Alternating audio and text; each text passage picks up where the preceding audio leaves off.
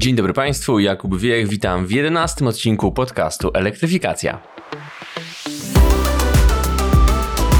Na wstępie chciałbym bardzo Państwu serdecznie podziękować za to, co stało się w zeszłym odcinku, za szereg pytań, które od Państwa dostałem, za mnóstwo kwestii do poruszenia, o których rozmawialiśmy na tym specjalnym, noworocznym odcinku nadawanym na żywo. Nagranie z tego odcinka możecie Państwo odnaleźć na YouTubie, bo to był odcinek audiowizualny, więc występowałem przed nawet dwoma kamerami e, i bardzo było przyjemnie spotkać się z Państwem tak bezpośrednio. Widzieć, że Państwo interesujecie się moją pracą i czytać też komentarze od Państwa, pytania, oraz wszystkie te kwestie, które poruszyliście w ciągu naszej rozmowy. Serdecznie dziękuję moim patronom i patronkom, to dzięki Wam ten podcast się rozwija. Mam nadzieję, że wkrótce dobijemy do tej formy audiowizualnej już na stałe, byście oprócz tego podcastu e, wydawanego na przykład na Spotify czy na Google Podcast, na Apple Podcast, dostawali także na YouTubie filmik, w którym będziemy e, komentować te wszystkie wydarzenia, które poruszamy w elektryfikacji. Specjalne podziękowania dla pierwszego mecenasa elektryfikacji, dla pana Pysia, bo tak chciał być nazywany. Panie Pysiu, serdecznie dziękuję za pana wsparcie. Jest jest to dla mnie olbrzymi zaszczyt, że ktoś zdecydował się tak hojnie wesprzeć moją pracę.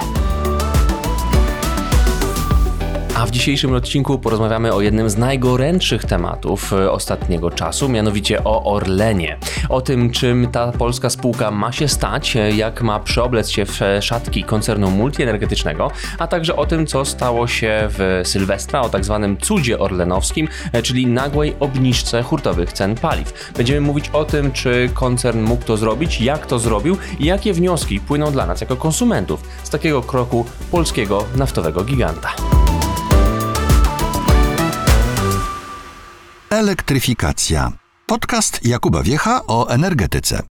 Na początek mały disclaimer. Otóż, mili Państwo, zdaję sobie sprawę, że Orlen budzi ogromne emocje. To znaczy, w tym momencie ta spółka trafiła pod olbrzymi ostrzał polityczny. Porozmawiamy o tym, czy jest on słuszny. Natomiast odłóżmy na razie sentymenty czy resentymenty. Spójrzmy na konkretne dane, na liczby, na fakty, na to, co e, spółka zrobiła i zastanówmy się, jaki obraz z tego wynika. W tym podcaście będę mówił o łatwo sprawdzalnych danych, będę Państwa odsyłał do konkretnych e, źródeł, z których te dane biorę więc będziecie mogli Państwo zweryfikować prawdziwość moich słów, będziecie Państwo mogli cały czas poddawać mnie mm, obserwacji, jeżeli chodzi o wartość merytoryczną tego, co będzie tutaj przedstawiane. Żeby w pełni zrozumieć to, co Orlen zrobił w Sylwestra oraz Nowy Rok, bowiem hurtowe ceny paliw spadały przez e, dwa następujące po sobie dni, trzeba będzie naświetlić pewien szerszy kontekst tego, co robi teraz e, płocka spółka. Mianowicie chodzi mi tutaj o pewną transformację Orlen buduje teraz koncern multienergetyczny. Stara się wejść do czołowej europejskiej ligi tego typu podmiotów i konkurować z największymi po to, żeby zdobywać nowe rynki, te rynki zagraniczne, bo Orlen nie ukrywa, że to właśnie zagranica jest do, dla niego bezpośrednią i najważniejszą płaszczyzną rozwoju. Zacznijmy zatem naszą rozmowę od analizy tego, dlaczego w ogóle Orlen zdecydował się podjąć e, kroki w zakresie budowy tego tak zwanego koncernu multienergetycznego. Dlaczego ta spółka przejęła takie firmy jak na przykład Lotos czy PGNiG? Czy było to potrzebne? Jaki był koszt tego procesu? Temat połączenia Orlenu z innymi e, firmami energetycznymi czy pozaenergetycznymi działającymi na polskim rynku e, to jest kwestia, która była poruszana już od dawna, w zasadzie od początku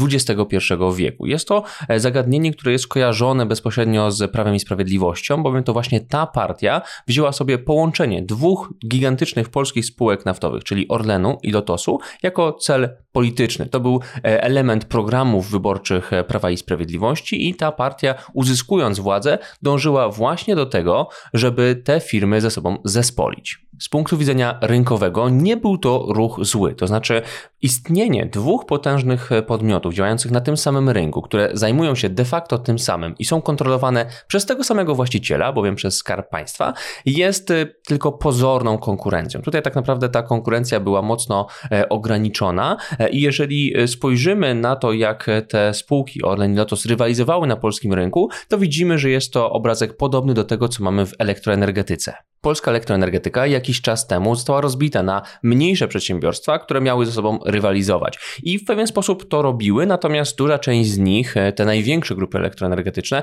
były kontrolowane przez skarb państwa. Kontrola Skarbu Państwa rozciągnięta nad tymi podmiotami sprawiała, że były one de facto narzędziami do realizowania polityki energetycznej, jaką stawiały sobie poszczególne rządy w Polsce. Polityki, która miała pewne wady. O tych wadach powiedzieliśmy sobie już nie raz na łamach elektryfikacji. Będziemy o tym mówić jeszcze wielokrotnie. Natomiast e, teraz chcę, żeby Państwo zapamiętali, iż e, tego typu rozbicie wymuszone w zasadzie przez unijne prawo konkurencji nie do końca zawsze realizuje te cele, które przyświecały przepisom sankcjonującym właśnie e, rynki energii e, w kierunku stworzenia pewnej konkurencji między działającymi na nich podmiotami. Tak więc to, co widzieliśmy dotychczas na polskim rynku elektroenergetycznym, gdzie rywalizowały ze sobą w zasadzie tylko duże podmioty typu PGE czy Tauron, y, miało pewne odzwierciedlenie na rynku naftowym, paliwowym, gdzie mieliśmy Orlen i Lotos jako czołowych graczy plus konkurencję zagraniczną, no ale Orlen i Lotos miały tego samego właściciela, tego samego, ten sam podmiot kontrolujący, czyli właśnie Skarb Państwa. Można powiedzieć, że między tymi spółkami zachodziła wręcz kanibalizacja, to znaczy one się wzajemnie podgryzały, przez co e, żadna z nich nie mogła wykorzystywać pełnego potencjału, jaki dawał polski rynek do właśnie tego skoku za granicę, do zdobywania rynków poza Polską. Orlen był w tym nieco sprawniejszy niż Lotos i zdobył przyczółki na przykład w e, Czechach, w Niemczech, na Litwie. Tam działała ta spółka już od jakiegoś czasu, między innymi w rafinerii w Morzejkach, w Kralupach, czy też na e, stacjach benzynowych e, u naszego zachodniego sąsiada. Natomiast to było wciąż za mało, żeby iść przebojem po dalsze rynki, po na przykład rynki Europy Środkowej, tej w południowej części kontynentu i tam budować nowy kapitał Orlenu. Tak więc sama wizja połączenia Orlenu i Lotosu nie jest w gruncie rzeczy zła ani kontrowersyjna. Natomiast e, plany Orlenu w zakresie budowy koncernu multienergetycznego znacząco wychodziły poza samo przyjęcie Lotosu. Co więcej, trzeba też zastanowić się nad kosztami, które poniosła płocka spółka, przejmując swoją siostrzaną firmę. Spójrzmy na początek na inne akwizycje, które dokonał Orlen na drodze do budowy koncernu multienergetycznego. W ciągu ostatnich lat Orlen przejął na przykład Energę, czyli dużego producenta energii elektrycznej w Polsce, przejął Ruch, czyli sieć znaną przede wszystkim z kiosków e, rozsianych po całym kraju, przejął też ostatnio PGNiG, czyli polskiego giganta gazowego. Jak oceniać te ruchy? Otóż to jest pewnego rodzaju odtworzenie drogi, którą przeszły inne europejskie koncerny, na przykład OMV, czyli spółka austriacka, lub też włoski podmiot Eni, na drodze do budowy swojej obecnej pozycji. Multienergetyczność, a w zasadzie nawet multirynkowość jest bowiem pewną drogą do budowy pozycji w nowoczesnym e, europejskim rynku energii. Wspomniane wcześniej spółki, czyli OMV i ENI, budują swoją pozycję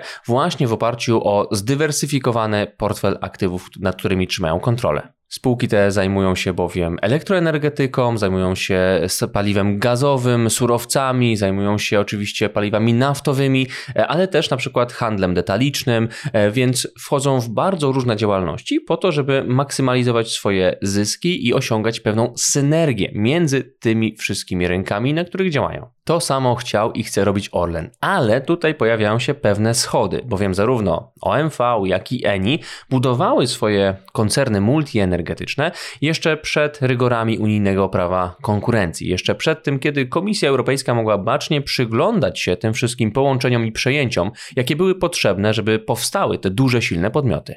Można powiedzieć, że to, co działo się na zachodzie Europy przy budowie tego typu firm, było bardziej naturalnymi, oddolnymi ruchami. W przypadku Orlenu, w przypadku Polski, mamy jeden silny podmiot, który do, dokonuje pewnej planowej listy przejęć po to, żeby zbudować bardzo szybko taką silną pozycję, która umożliwi mu konkurencję na rynkach zagranicznych. O ile przejęcie energii czy ruchu nie przysporzyło Orlenowi zbyt wielu kłopotów, no to już przejęcie Lotosu było bardzo problematyczne, bowiem wymagało zgody Komisji Europejskiej. Komisja Europejska, czyli ta instytucja, która czuwa m.in. nad zachowaniem unijnego prawa konkurencji, bacznie przyglądała się tym ruchom i powiedziała, że zgodzi się na przejęcie Lotosu przez Oren, ale pod pewnymi dosyć rygorystycznymi warunkami. 14 lipca 2020 roku Komisja Europejska wydała tak zwaną zgodę warunkową na połączenie Orlenu i Lotosu. Co to jest zgoda warunkowa? To jest decyzja, która teoretycznie daje zielone światło, ale stawia pewne warunki, czyli pewne konkretne rygory, które muszą zostać spełnione, zanim do połączenia dojdzie. W przypadku Orlenu i Lotosu takimi warunkami były zbycie 30% udziału w rafinerii Lotosu w Gdańsku wraz z pakietem praw zarządczych do produkcji benzyny, sprzedaż około 80% stacji stacji paliw Lotosu, czyli dokładnie 389 e, takich właśnie stacji, uwolnienie większości mocy zarezerwowanych przez Lotos w magazynach, między innymi w pojemnościach w terminalu naftowym oraz też ograniczenie wpływów nowo powstałego koncernu na rynku paliwa lotniczego i asfaltów. I teraz bardzo ważna rzecz, którą myślę, że trzeba naświetlić już w tym momencie. Otóż Komisja Europejska, kiedy wydaje taką zgodę warunkową, to najczęściej jest już powiadomiona przez podmioty, które są zainteresowane uzyskaniem takiej zgody, o potencjalnych nabywcach na aktywa, które będą musiały zostać odsprzedane, żeby do połączenia doszło. To jest taka tajemnica Poliszynela, krążąca po prostu po brukselskich e, korytarzach, bowiem w przypadku właśnie zgód warunkowych najczęściej pewne warunki są uzgadniane w trakcie negocjacji wcześniej z Komisją Europejską, tak żeby ta zgoda warunkowa była do udźwignięcia przez e, podmioty, które są zainteresowane tą właśnie zgodą. Co z tego wynika? Ano najprawdopodobniej to, że komisja już wcześniej wiedziała o potencjalnych nabywcach na te aktywa Lotosu, które będzie trzeba odsprzedać. To będzie miało niebagatelne znaczenie dla naszej dyskusji o krytyce dotyczącej odsprzedaży części rafinerii Gdańskiej, ale o tym później. Na razie skupmy się na tym, co w pierwszej kolejności zainteresowało polskie media oraz społeczeństwo. Po ogłoszeniu warunków stawianych przez Komisję Europejską, oczy wielu komentatorów zwróciły się na węgierski MOL, który okazało się stał się partnerem Orlenu przy zbywaniu części aktywów Lotosu. Zaangażowanie MOLA, czyli spółki węgierskiej, tego w zasadzie węgierskiego Orlenu, było krytykowane z racji polityki prowadzonej wtedy i jeszcze cały czas teraz przez e, rząd Viktora Orbana. Chodziło oczywiście o węgierską prorosyjskość, która teraz jest znacznie bardziej widoczna niż była w 2020 roku. Ale tutaj ważna informacja. Otóż te aktywa, które miały przejść w ręce MOLu, czyli stacje Lotosu, z punktu widzenia bezpieczeństwa energetycznego są pomijalnie istotne. Tak, my, klienci, konsumenci, zwracamy uwagę na stacje, są one bowiem pewną wizualną reprezentacją koncernów e, paliwowych w naszym życiu e, i traktujemy je jako coś, co jest równoważnikiem dochodów tychże właśnie podmiotów, ale jednak te stacje nie są tak ważne z punktu widzenia funkcjonowania tego typu firm jak Orlen czy Lotos, jak nam się wydaje. Z punktu widzenia całości transakcji, ta odsprzedaż stacji dla Węgrów to była kwestia naprawdę bardzo mało istotna. Zwłaszcza, że Orlen nabywał dzięki temu również stacje w innych krajach, między innymi właśnie na Węgrzech. W ten sposób, przez taki pierwszy okres dyskusji o sensowności połączenia Orlenu i Lotosu, opinii publicznej umknęła faktycznie najważniejsza sprawa dotycząca kosztów tego procesu. Jest nią oczywiście rafineria gdańska, perła w koronie Lotosu, jedna z najnowocześniejszych instalacji tego rodzaju w Europie, a nawet na świecie. Rafineria w Gdańsku przeszła niedawno tzw. Tak projekt EFRA, to jest skrót od efektywna rafinacja. To przedsięwzięcie polegające na modernizacji tej jednostki znacząco obniżyło koszty jej pracy. To właśnie zbycie części udziału w rafinerii gdańskiej można uważać za najważniejszy i najbardziej dotkliwy koszt połączenia Orlenu i Lotosu. Partnerem dla Orlenu przy tym ruchu okazało się Saudi Aramco, saudyjski koncern będący największą firmą paliwową na świecie. Orlen argumentował dobór tego partnera m.in. tym, że Saudyjczycy będą w stanie zapewnić dostawy ropy do Polski, która odchodziła od surowca rosyjskiego. Teraz ma to znacznie większe znaczenie niż miało w roku 2020, natomiast w grę wchodzą nie tylko kwestie dywersyfikacji dostaw, ale również pewne plany ekspansji Orlenu na rynki zagraniczne. Od Oddam teraz głos profesorowi Robertowi Gwiazdowskiemu, polskiemu prawnikowi oraz komentatorowi gospodarczemu, z którym rozmawiałem na ten temat, na temat połączenia Orlenu Lotosu i sprzedaży części udziału w rafinerii gdańskiej, a który naświetlił pewne fakty, jakie mogły leżeć w polu zainteresowania Orlenu, jeżeli chodzi o te transakcje. Partnerami Orlenu mogli zostać BP, Shell czy MOL. To byliby partnerzy powiedzmy naturalni, a tu nagle pojawiło się Aramco. Dlaczego? Być może Orlen chce jakoś włączyć się na przykład w plany budowy petrochemii w Arabii Saudyjskiej, albo w plany Aramco względem rafinerii i instalacji petrochemicznych w Niemczech. Saudyjczycy prowadzą w tym zakresie rozmowy z Francuzami. Pytanie, czy rozmawiają też z nami, czy ponad naszymi głowami. Ten fragment wypowiedzi profesora Gwiazdowskiego, opublikowanej na łamach e, Energetyka 24, może rzucać pewne nowe światło na okoliczności sprzedaży części udziałów w rafinerii gdańskiej właśnie dla Saudi Aramco. Ale tutaj pojawiają się pewne pytania o bezpieczeństwo tego procesu, mianowicie o to, czy na przykład te udziały, które kupuje teraz Saudi Aramco, mogą być dalej odsprzedane chociażby Rosji czy rosyjskim spółkom naftowym albo kontrolowanym przez Rosjan podmiotom działającym na rynku międzynarodowym. Wiele pytań na ten temat zostało postawionych w reportażu TVN24, który starał się naświetlić szczegóły dotyczące transakcji w sprawie rafinerii gdańskiej. Natomiast od momentu wyemitowania tego materiału do dzisiaj pojawiło się parę interesujących faktów, które nieco zmieniają naszą optykę na tę sprawę. Najważniejszym z nich jest fakt, że gdańska rafineria została wpisana poprzez rozporządzenie na listę podmiotów podlegających specjalnej ochronie. Jest to zgodne z ustawą z 2015 roku o szczególnej ochronie niektórych inwestycji. Ustawa ta wskazuje m.in., że organ kontroli, czyli w tym wypadku minister aktywów państwowych, może zgłosić sprzeciw do transakcji dotyczącej aktywów wpisanych właśnie na tę listę podlegającej szczególnej kontroli. Ustawa ta wskazuje, i teraz będzie trochę prawniczego języka, że organ kontroli, czyli w tym przypadku minister aktywów państwowych, może zgłosić sprzeciw w kwestii transakcji, e, które dotyczą właśnie tych e, szczególnie chronionych aktywów, czyli między innymi rafinerii gdańskiej. Co to dokładnie oznacza? Ano to, że minister aktywów państwowych może powiedzmy zawetować transakcję sprzedaży tych aktywów, może on nawet unieważnić już zawartą umowę. Zwracam uwagę na słowo unieważnić, to oznacza, że ta transakcja będzie uznawana za niebyłą, a więc nie będzie z jej tytułu pociągniętych żadnych kar, na przykład w zakresie kar umownych. Ustawa o kontroli niektórych inwestycji jest szczególnym środkiem ochrony niektórych aktywów, dlatego ta lista, o której wspomniałem, na której figuruje już rafineria gdańska, zawiera tylko 15 podmiotów. Tak więc można powiedzieć, że z tej perspektywy rafineria gdańska wydaje się zabezpieczona. Oddam jeszcze na chwilę głos profesorowi Gwiazdowskiemu, który też powiedział co nieco o tej perspektywie i możliwych zagrożeniach dotyczących odsprzedaży takich właśnie aktywów jak rafineria gdańska, chociażby Rosjanom. Spójrzmy na rafinerię w Szwedii, czyli tutaj głos ode mnie, to jest rafineria w Niemczech, która do niedawna była w ręku Rosjan. Była ona rosyjska, ale jak wybuchła wojna, to rząd niemiecki powiedział Rosjanom, żeby się wynosili. Myśmy zrobili to samo z Rosjanami w paru innych spółkach. Nie widzę powodu, dla którego nie mielibyśmy tego zrobić z rafinerią w Gdańsku. Niemniej nie zestawiajmy spółki Lotos SA ze spółką Rafineria Gdańska, która jest spółką z ograniczoną odpowiedzialnością. Sprzedaż przez wspólnika udziałów w tej spółce wymaga zgody spółki.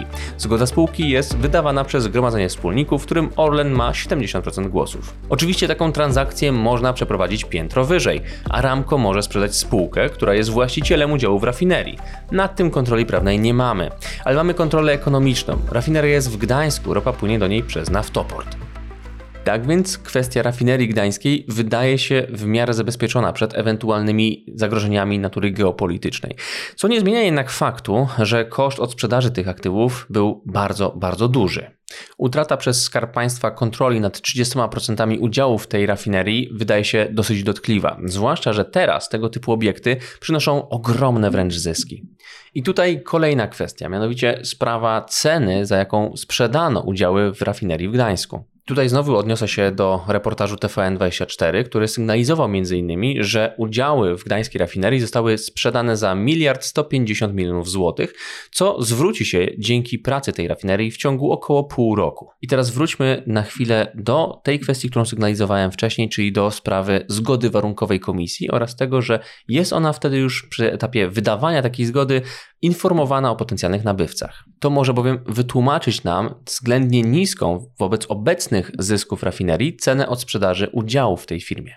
To jest moja interpretacja całej tej sytuacji. Otóż Pewne negocjacje dotyczące sprzedaży udziałów w rafinerii w Gdańsku były prowadzone już dużo wcześniej, być może nawet w 2020 roku, czyli w roku pandemicznym, kiedy doszło do gwałtownych zaburzeń na rynku ropy naftowej, ale już wtedy być może ustalano pewne wstępne warunki dotyczące odsprzedaży tych aktywów, które trzeba było odsprzedać, żeby zrealizować zgodę warunkową Komisji Europejskiej. Cena mogła być zatem wynegocjowana jeszcze przed rokiem 2022 i przed 24 lutego, czyli dniem, kiedy zaczęła zaczęła się absolutnie niezwykła sytuacja na rynku paliw. O tej nadzwyczajnej sytuacji będziemy mówić jeszcze w późniejszej części podcastu. Natomiast teraz trzeba, żeby Państwo wiedzieli, e, iż z uwagi na te absolutnie wyjątkowe okoliczności zachodzące między rynkiem surowca, czyli ropy naftowej, a rynkiem paliw, czyli np. benzyny lub oleju napędowego, absolutnie wszystkie rafinerie na świecie stały się istnymi kurami znoszącymi złote jaja. Może więc Orlen po prostu wynegocjował tę cenę znacznie wcześniej, zanim rafinerie przeoblekły się w te żyły złota i potem, żeby nie burzyć układanki negocjacyjnej, musiał zaakceptować takie właśnie warunki, które z tej perspektywy wydają się nieco niskie. Powtórzę to już któryś raz podczas tej audycji. Koszty połączenia Orlenu i Lotosu były bardzo, bardzo duże i dosyć dotkliwe, jeżeli spojrzymy na ich znaczenie dla całej polskiej gospodarki. Więc teraz pytanie brzmi: czy faktycznie opłacało się łączyć te spółki? Czy ponoszenie tych kosztów miało jakiś sens? I na to pytanie bardzo trudno obecnie odpowiedzieć. To znaczy, budowa koncernu multienergetycznego to jest coś, co ma przynieść pewne korzyści dopiero w określonej perspektywie. Tą perspektywą jest oczywiście pewien czas przewidziany na ekspansję zagraniczną, która teraz jest bardzo utrudniona ze względu na panujący kryzys energetyczny i głębokie zaburzenia, jeżeli chodzi o funkcjonowanie rynków energii w Europie, oznaczające się na przykład szerokimi interwencjami państwa w poszczególne rynki. W ciągu ostatnich miesięcy Europa odeszła od liberalizmu energetycznego na rzecz bardzo mocnych ingerencji, dopłacania, kontrolowania, czy też mówiąc wprost, bezpośredniego, mocnego ingerowania w rynki energii, po to, żeby utrzymać ich stabilność i minimalizować koszty kryzysu dla odbiorców końcowych. Takie trudne do przewidzenia warunki utrudniają ekspansję zagraniczną, ale spójrzmy na pewne obiektywne cechy, w oparciu o które można powiedzieć, czy ta fuzja między Orlenem a Lotosem miała sens ekonomiczny. Przede wszystkim nie wystarczy wrzucić aktywa do jednego worka i udawać, że dzięki temu osiągnęło się pewną siłę czy pozycję. Nie, tak to nie działa. Żeby te wszystkie elementy układanki zagrały, potrzeba m.in. synergii, potrzeba pewnej wiedzy, wizji, strategii, potrzeba dopasowania poszczególnych klocków, tak żeby nie generowały one dodatkowych kosztów, tylko wręcz przeciwnie, ułatwiały optymalizację e, i dawały potencjał do wzrostu. Okres kilku miesięcy od połączenia Orlenu i Lotosu jest zbyt krótki, żeby ocenić, czy takie elementy faktycznie zachodzą, czy te spółki udało się połączyć w jeden monolit, który będzie w stanie silnie i agresywnie grać na rynku międzynarodowym. Trzeba to będzie oceniać w następnych latach i miesiącach, patrząc przede wszystkim na procent udziałów, jeżeli chodzi o przychody z rynku polskiego względem rynku zagranicznego. W roku 2021 Orlen chwalił się, że około 50% jego przychodów to są przychody z rynków poza Polską. Więc badając e, to, jak wygląda ekspansja tej firmy na rynki zagraniczne, trzeba będzie patrzeć przede wszystkim na skalę generowanych przychodów. Można to też mierzyć skalą pewnych inwestycji, nabywania przez Orlen aktywów leżących poza granicami Polski. Pewną sugestią w tej sprawie mogą być plotki medialne, które pojawiały się jakiś czas temu, że Orlen jest zainteresowany nabyciem udziałów w niemieckiej rafinerii w Szwed. W tej rafinerii, która była już wspominana na mm, falach tego podcastu, a która leży na wschodzie Niemiec i może być zasilana przez polski naftoport, przez terminal odbiorczy ropy naftowej w Gdańsku. Zobaczymy, ile w tym wszystkim jest prawdy, natomiast to była pewna wskazówka, że ta siła Orlenu może być mierzona innymi także właśnie w kupowaniu poszczególnych aktywów na rynkach zagranicznych. Przejdźmy teraz do kolejnego etapu budowy koncernu multienergetycznego przez Orlen, czyli do kupna mediów zrzeszonych w ramach Polska Press. To jest bardzo ciekawe posunięcie, ono wywołało szereg kontrowersji, natomiast myślę, że e, uwaga mediów oraz społeczeństwa skupiła się nie na tym elemencie tej transakcji, na którym powinna.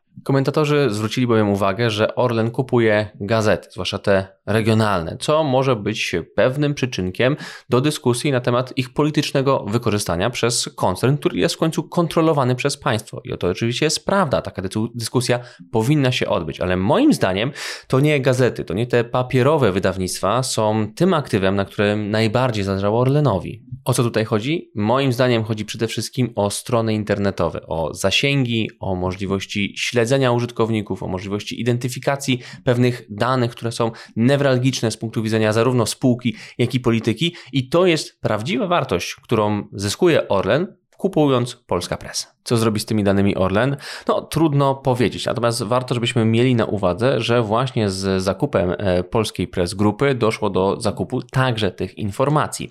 Natomiast e, no, tutaj dochodzimy do stwierdzenia, że Orlen, wykorzystując swoją siłę handlową, może dokonywać takich właśnie akwizycji. Ostatnim zakupem Orlenu jest PGNiG, czyli polski gigant gazowy. Tutaj celem e, spółki z Płocka wydaje się przejęcie tego szerokiego biznesu gazowego, jaki PGNiG prowadzi także na rynkach zagranicznych. PGNiG ma koncesję m.in. na wydobycie gazu w Norwegii, na szelfie kontynentalnym, czyli stamtąd skąd pochodzi surowiec tłoczony do nas przez gazociąg Baltic Pipe. Co ważne, podobne koncesje miał też Lotos, więc z tej perspektywy zespolenie PGNiG-u z Orlenem wydaje się jako tako sensowne. Natomiast warto, żeby Państwo wiedzieli, że przejęcie tak szerokiej liczby aktywów przez Orlen miało swoich krytyków także w obozie Zjednoczonej Prawicy. Ostrym przeciwnikiem tego typu działań był minister Piotr Naimski, czyli do niedawna pełnomocnik rządu do spraw strategicznej infrastruktury energetycznej. Pomysł krytykował też Piotr Woźniak, czyli były prezes PGNiG-u. To osoba ministra Naimskiego jest tutaj szczególnie ciekawa, bo on został odsunięty z urzędu w zasadzie dosyć nagle, na niedługo przed uruchomieniem gazociągu Baltic Pipe, który był takim jego infrastrukturalnym dzieckiem. W pożegnalnym poście, który minister Naimski napisał na Facebooku, okazało się, że jego dymisja była związana z tym, że on wszystko blokuje. Tak Naimski skomentował swoją dymisję. Jako ustne uzasadnienie powiedziano mi, że nie nadaje się do współpracy i wszystko blokuje. Nie pierwsza to w moim dość długim życiu już dymisja. Komentatorzy zaczęli wprost wskazywać, że ta blokada Naimskiego dotyczyła właśnie przejmowania szeregu aktywów przez Orlen.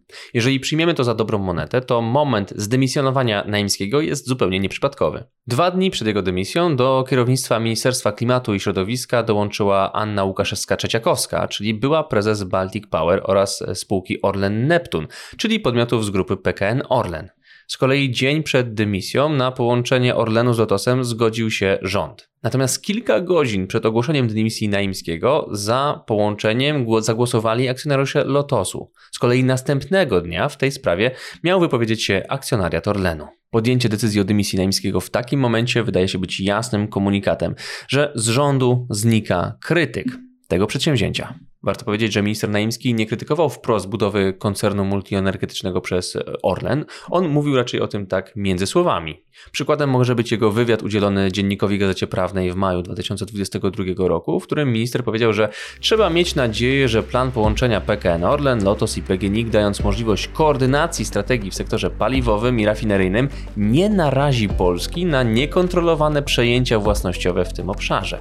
No nie da się odczytać tego inaczej niż jako takie suflowane gdzieś nie wprost twierdzenie, że taka groźba jest realna, że to fuzja właśnie może stworzyć pewne zagrożenie dla bezpieczeństwa energetycznego Polski. No ale fuzja jest już w zasadzie za nami. I teraz trzeba patrzeć Orlenowi na ręce w zakresie tego, co robi z przejętymi przez siebie aktywami. Można też zadać parę pytań opozycji w związku ze zbliżającymi się wyborami, które brzmiałyby na przykład, co zamierzają oni zrobić z połączonym y, Orlenem, Lotosem i PGNiG-iem. Te połączenia zostały już zarejestrowane, więc pytanie, czy opozycja, jeżeli dojdzie do władzy, będzie chciała rozdzielać te spółki? Jeżeli tak, to jaki jest plan na dalsze działanie tych podmiotów? A jeżeli zaś Orlen ma pozostać w takiej formie, w jakiej działa on obecnie, no to też trzeba zapytać, czy strategia, która została ukuta przez obecny zarząd firmy, będzie kontynuowana, czy też będzie może ona zmieniona. To wszystko ma niebagatelne znaczenie dla oceny sensowności tego procesu fuzyjnego, do oceny tego, czy Orlen faktycznie zbudował potęgę multienergetyczną, czy też kolosa na glinianych nogach. O tych wszystkich pytaniach, o tych wszystkich wątpliwościach będziemy Państwu donosić na falach elektryfikacji. Już wkrótce bowiem planuję uruchomienie szeregu wywiadów, m.in. z politykami opozycji, w których będę pytał o ich pomysły na energetykę, czyli m.in. o ich pomysł na Orlen, który jest już koncernem multienergetycznym. A teraz podnieśmy jeszcze bardziej temperaturę i skupmy się na ostatnich działaniach polskiej spółki, czyli na obniżeniu ceny hurtowej paliw w, na przełomie 2022 i 2023 roku. Myślę, że wielu z Państwa śledziło dokładnie tę sytuację i nie wymaga ona szerszego przybliżenia. Na potrzeby naszej rozmowy powiem tylko tyle. 31 grudnia roku 2022 oraz 1 stycznia roku 2023 spadły hurtowe ceny paliw oferowane przez Orlen. Spadek nie był przypadkowy, jeżeli chodzi o termin oraz wysokość. On się zgrywał z podniesieniem opodatkowania paliw w związku z przywróceniem starej stawki podatku VAT oraz akcyzy. Innymi słowy mówiąc, Orlen obniżył ceny hurtowe po to, żeby ceny detaliczne pozostały bez zmian, nawet z przywróconym starym opodatkowaniem. Pytaniem, które pojawiało się na kanwie tych informacji było, czy Orlen ograbiał kierowców, czy spółka mogła obniżyć ceny paliw wcześniej. Przede wszystkim odpowiedzmy sobie na pytanie, jaki mechanizm stał za tym, że ceny hurtowe Orlenu tak nagle spadły. Tłumaczy to główny ekonomista spółki, dr Adam Czyżewski, w wywiadzie, który przeprowadziłem na łamach portalu Energetyka24. Warto, żebyśmy zwrócili uwagę na to, jaki jest rdzeń argumentacji Orlenu. To znaczy, Orlen mówi, że musiał utrzymać odpowiednie poziomy cen rynkowych, jeżeli chodzi o paliwa, bo inaczej sprawiłoby to, że miałby problemy zarówno z podażą, jak i też popytem. Więc przyjmijmy na chwilę, że faktycznie chodzi o utrzymanie tych właśnie cen. Przyjmijmy, że to było celem Orlenu, jeżeli chodzi o działanie. Czyżewski mówi tam, że Orlen zrobił to po to, żeby utrzymać detaliczne ceny paliw na dotychczasowym poziomie, równoważącym popyt z podażą. Mamy na polskim rynku i międzynarodowym sytuację ciągłego niedoboru paliw, rezerw paliwowych jest niewiele, rafinerie pracują pełną parą, nie da się kupić większej ilości tych produktów. W tej sytuacji wobec przywrócenia stawek podatkowych do wyższych poziomów postanowiliśmy utrzymać cenę paliwa na poziomie bilansującym popyt z podażą. W przeciwnym wypadku mielibyśmy widoczną podwyżkę na stacjach i szok inflacyjny. To można uznawać za oficjalne tłumaczenie Orlenu w kwestii tego, co stało się 31 grudnia i 1 stycznia. Słysząc to, oczywiście zadałem pytanie, czy nie dało się tego zrobić wcześniej. Najpierw usłyszałem odpowiedzi, że wcześniej taka sytuacja mogłaby grozić scenariuszem węgierskim. Dla tych z Państwa, którzy nie wiedzą, co stało się na Węgrzech, otóż tam Viktor Orban zadecydował o ręcznym obniżeniu cen paliw, co spowodowało kryzys paliwowy w tym państwie i deficyt w podaży, który spowodował m.in. braki oleju napędowego benzyny na około 25% stacji. No ale taka sytuacja jest dosyć ekstremalna i chyba nie o to w takiej obniżce chodzi, więc dopytałem, dlaczego pomimo tego, że ceny paliw spadały w wielu krajach Unii Europejskiej w okresie listopad-grudzień, obniżki nie widzieliśmy w Polsce, bo przecież na przykład w Austrii czy w Chorwacji obniżki były. Wtedy usłyszałem od głównego ekonomisty Orlenu, że w Polsce mamy nadzwyczajną sytuację popytową, bo jesteśmy krajem przyfrontowym, bo na polski popyt na paliwa składają się także zakupy Ukraińców, zarówno tych, którzy przyjechali do nas, którzy przejeżdżali przez nasz kraj, jak i tych, którzy po prostu kupują paliwo w Polsce na Ukrainę. A do tego trzeba jeszcze doliczyć zapotrzebowanie sektora wojskowego, czyli nie tylko sił zbrojnych Rzeczpospolitej Polskiej, ale także sił natowskich, które również kupują paliwo w naszym kraju. Dlatego też e, sytuacja popytowa w Polsce jest inna od tej na przykład w Austrii czy Chorwacji, stąd też nie było mowy o obniżkach. No ale ja nie jestem z pierwszej łapanki, więc ponownie zapytałem, czy w związku ze spadającą ceną ropy, w związku ze wzmacniającą się złotówką, jednak nie było tutaj warunków do pewnej obniżki cen. I wtedy główny ekonomista Orlenu powiedział, że powodów nie było, ale faktycznie tworzyło to pewne warunki do akomodacji przyszłej obniżki. I to jest moim zdaniem najważniejsza wypowiedź tego wywiadu.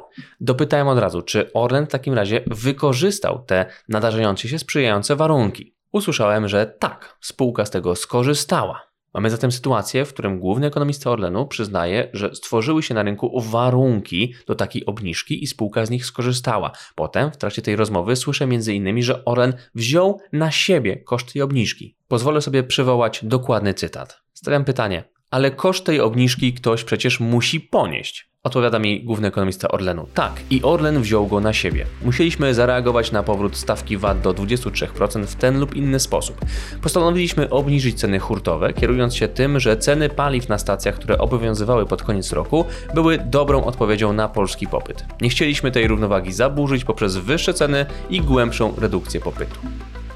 I to moim zdaniem daje najlepszą, choć pewnie jeszcze dla wielu z Państwa niejasną perspektywę na to, co wydarzyło się w ciągu ostatnich tygodni na Orlenie. Przypomnijmy najważniejsze części wypowiedzi głównego ekonomisty tej spółki. Po pierwsze, mamy warunki rynkowe, które tworzą pewną podstawę pod obniżkę cen paliw. Po drugie, mamy nadchodzącą zmianę regulacyjną w postaci powrotu starych stawek opodatkowania.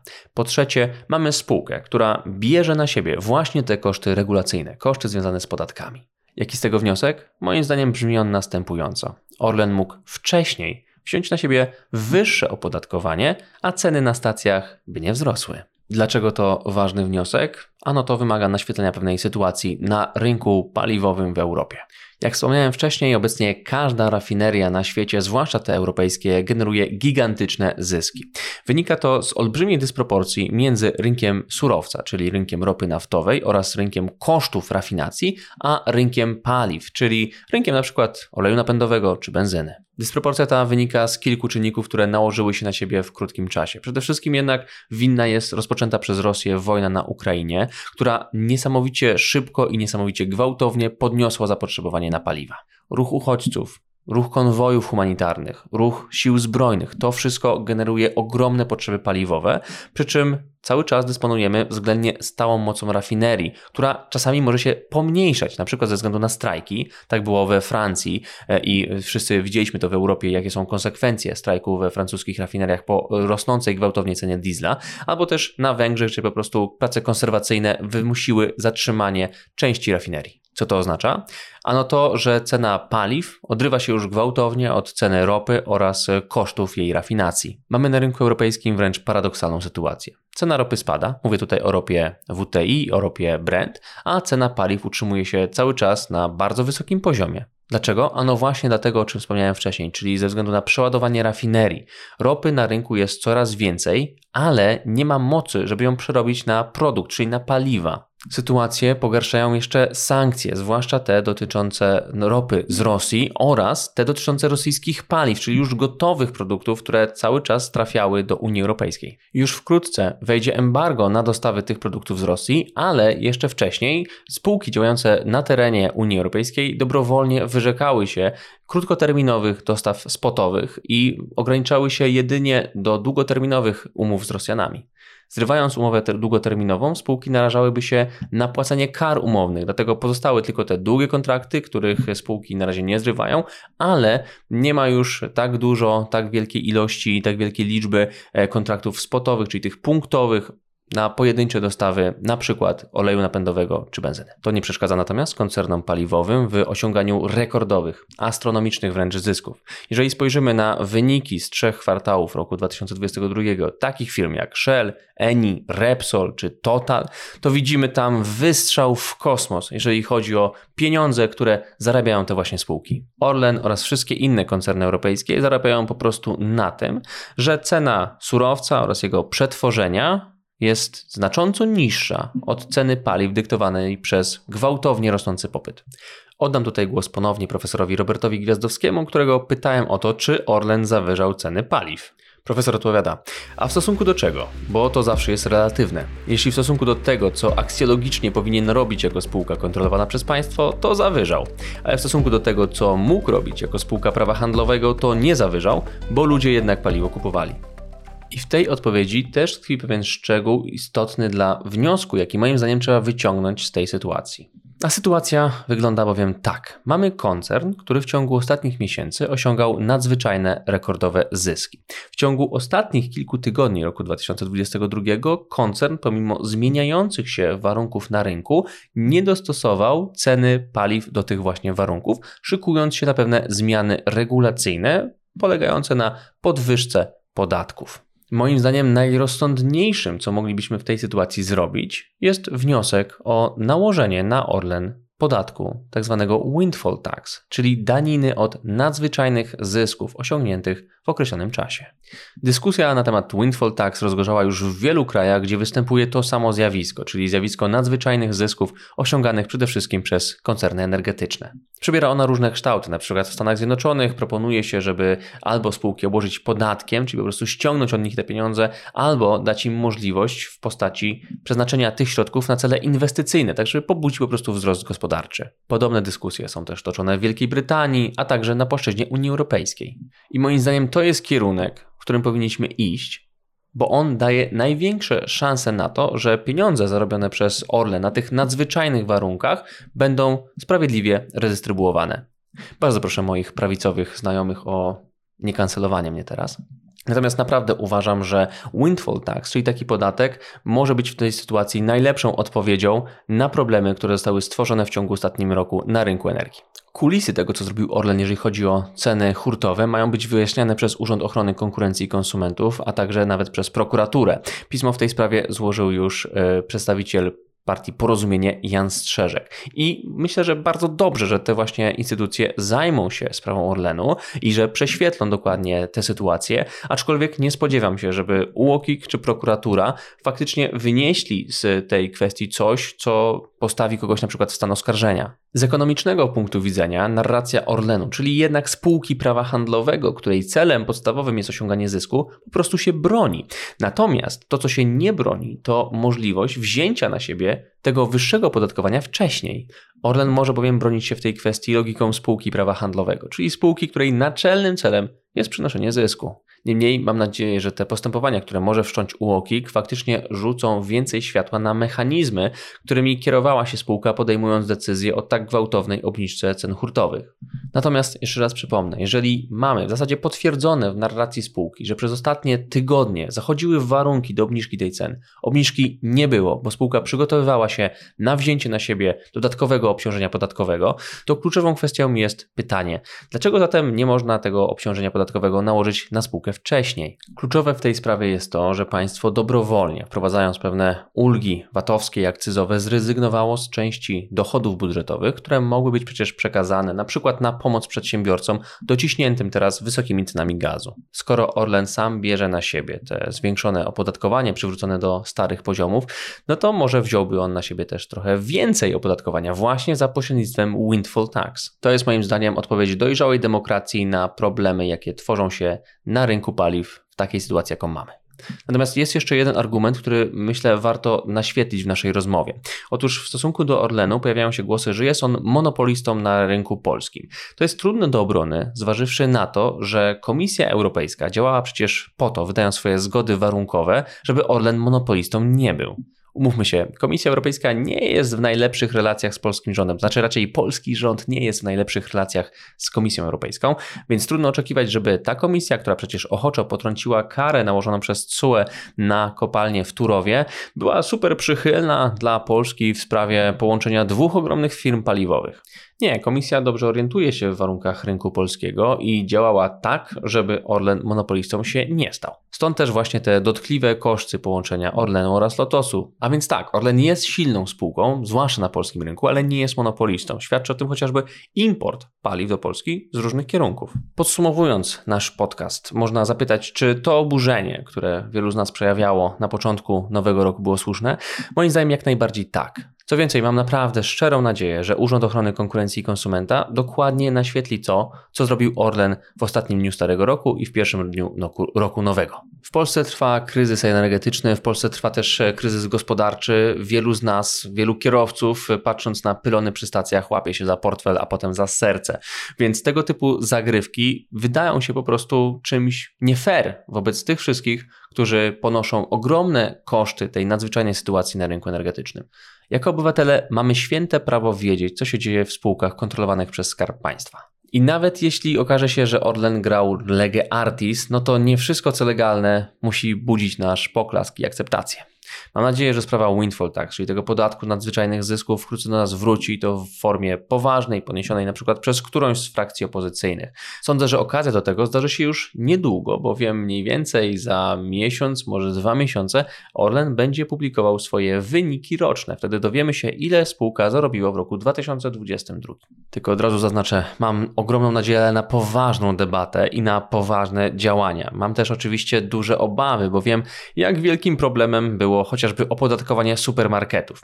Jeżeli z takimi narzędziami podejdziemy do windfall tax, to wywołamy tutaj więcej szkody niż pożytku. Niemniej mam nadzieję, że ten nastrój roku wyborczego będzie sprzyjał podniesieniu efektywności, precyzji i dokładności pewnych działań, e, bo każda z partii będzie zdawała sobie sprawę, że tak zwany fuck up na jakiejś linii może wieszczyć jej wyborczą klęskę. No, więc e, mam nadzieję, że w jakiś sposób rozjaśniłem Państwu całą sytuację związaną z Orlenem. Mam nadzieję, że odpowiedziałem na szereg pytań związanych z tym koncernem. Jeżeli jest jeszcze coś, o co chcieliby Państwo zapytać, jakaś niejasność, jakaś wątpliwość, nie wahajcie się, dawajcie mi znać. Będę starał się w miarę możliwości reagować na wszystkie Wasze pytania. A czy Pan wie, co to jest rafineria procesingowa? Niech mi Pan odpowie na to pytanie. Orlen rodził, rodzi i będzie rodzić bardzo dużo emocji, bardzo dużo wątpliwości, więc myślę, że jeszcze nie raz do sprawy polskiego koncernu wrócimy na falach elektryfikacji.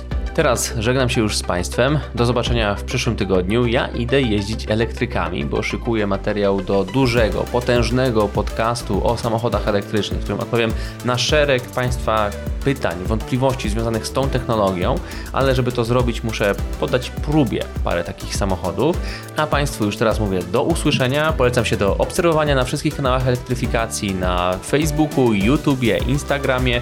Polecam się także na wszystkich kanałach, na których elektryfikacja wychodzi. Serdecznie raz jeszcze dziękuję wszystkim moim patronkom i patronom, zwłaszcza panu Pysiowi. Jakub Wiech, kłaniam się do usłyszenia za tydzień w kolejnym odcinku podcastu Elektryfikacja. To była Elektryfikacja. Podcast Jakuba Wiecha o energetyce.